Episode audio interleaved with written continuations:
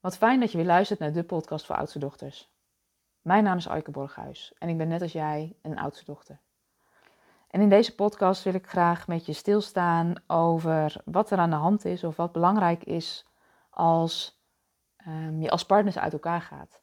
En helemaal als de kinderen in het spel zijn. Want vanuit systemisch perspectief kun je als partners uit elkaar gaan, maar als ouders blijf je verbonden aan elkaar.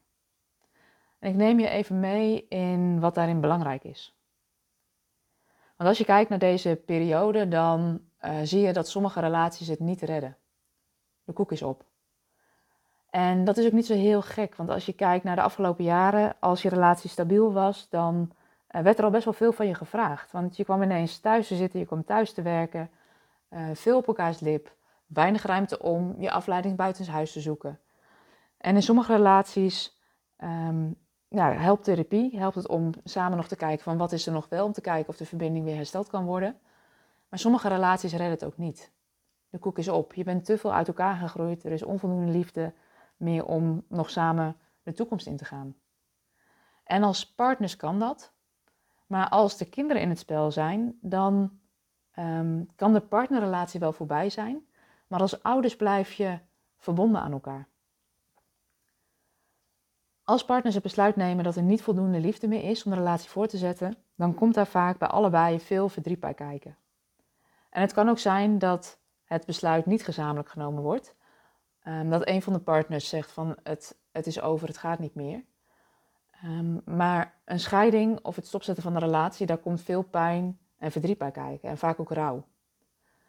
Helemaal als er kinderen in het spel zijn, dan hadden ouders het graag anders gezien.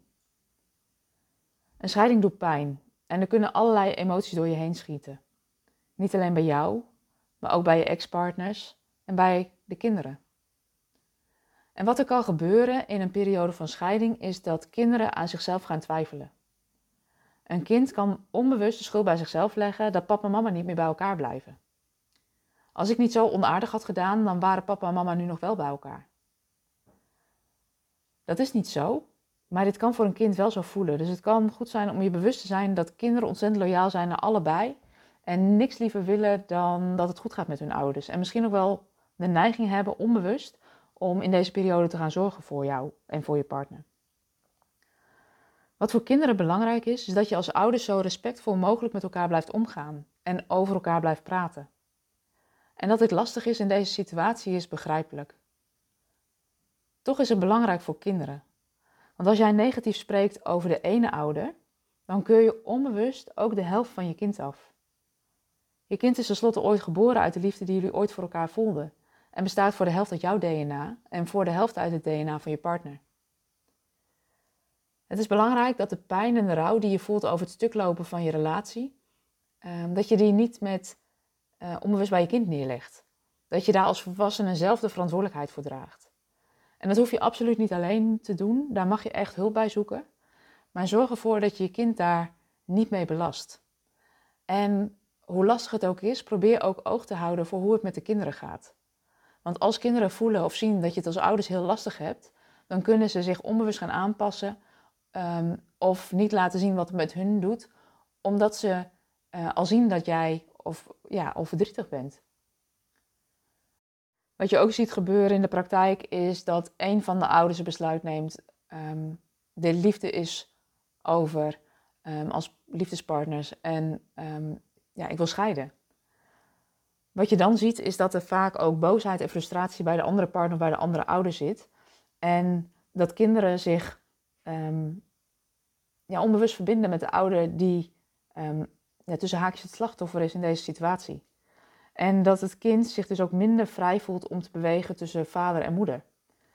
Um, stel dat jij als vrouw besluit neemt van ja, de relatie stopt, dan kan een kind zich onbewust extra loyaal voelen aan uh, de vader en jou misschien onbewust ook wel de schuld geven van uh, de scheiding.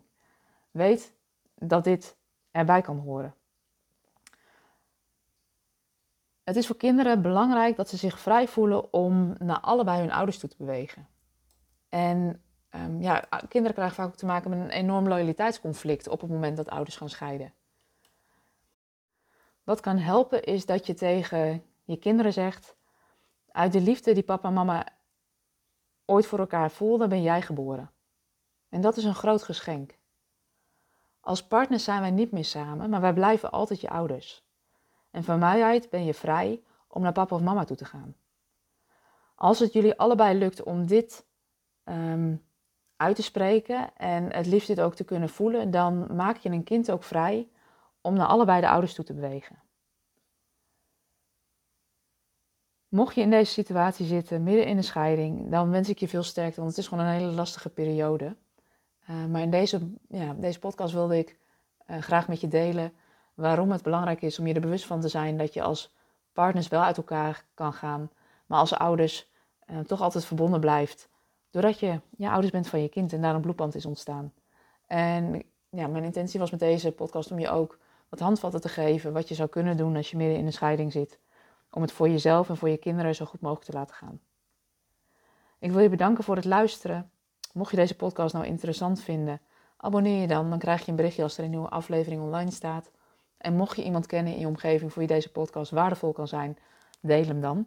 Um, ik denk dat het waardevol kan zijn uh, voor um, ouders die in deze situatie zitten.